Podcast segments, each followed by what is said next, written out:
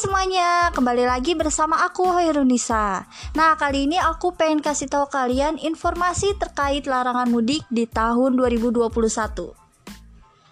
Adanya peraturan larangan mudik tahun 2021 tidak membuat beberapa warga takut untuk melakukan perjalanan mudik. Beberapa dari mereka mengatakan ingin bertemu dan merayakan Hari Raya Idul Fitri bersama sanak keluarganya. Salah satu pemudik, Hani Martini, mengaku melakukan mudik menuju Cirebon ketika malam takbiran karena neneknya yang menginginkan para anak dan cucunya berkumpul. Ia menjelaskan ketika dalam perjalanan terdapat penyekatan di dua titik dengan pengawasan yang tidak terlalu ketat yang membuat dirinya lolos dari pemeriksaan. Ia menegaskan selama perjalanan ia selalu menggunakan masker dan membawa hand sanitizer serta melakukan tes swab antigen sebelum berangkat mudik.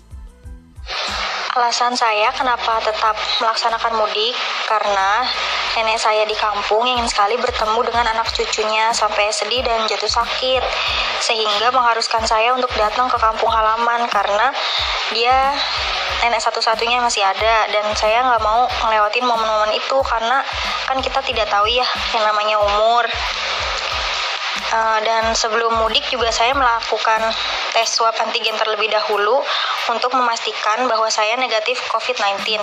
Kemudian saya memakai masker sepanjang perjalanan dan tidak lupa selalu membawa hand sanitizer. Diketahui sebelumnya, pemerintah menetapkan peraturan larangan mudik mulai tanggal 6 Mei sampai 17 Mei 2021.